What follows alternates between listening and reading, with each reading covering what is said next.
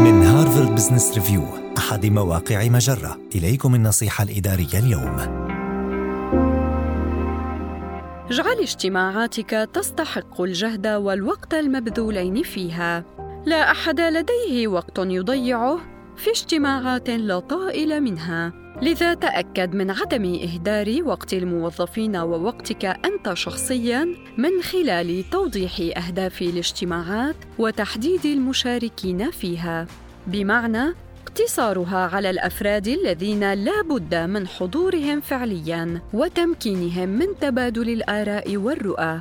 أبدأ بدعوة المشاركين في الاجتماع للإسهام في تحديد جدول الأعمال مسبقاً. سيؤدي هذا إلى زيادة فرص المشاركة الإيجابية من الجميع.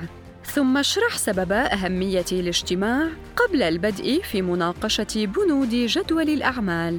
على سبيل المثال، قد تقول: أود أن نخرج من هذا الاجتماع بصورة واضحة المعالم حول قرار التعيين.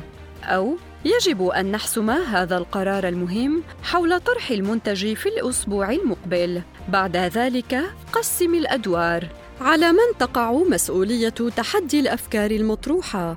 من هو صانع القرار النهائي؟ من سيؤدي دور أمين الاجتماع من سيتولى مسؤولية الوقت المخصص لكل فرد وتذكر أن كل الأنظار ستتوجه إليك كقائد فاحرص على تحديد الأسلوب المناسب من خلال إبداء تقديرك للأفكار القيمة وعدم الخروج عن موضوع الاجتماع والحفاظ على الإيجابية في مواجهة النزاعات أو المناقشات حول الموضوعات الصعبة.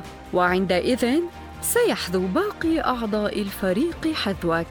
هذه النصيحة من مقال توقف عن إضاعة وقت الموظفين في الاجتماعات. النصيحة الإدارية تأتيكم من هارفارد بزنس ريفيو أحد مواقع مجرة مصدرك الأول لأفضل محتوى عربي على الإنترنت.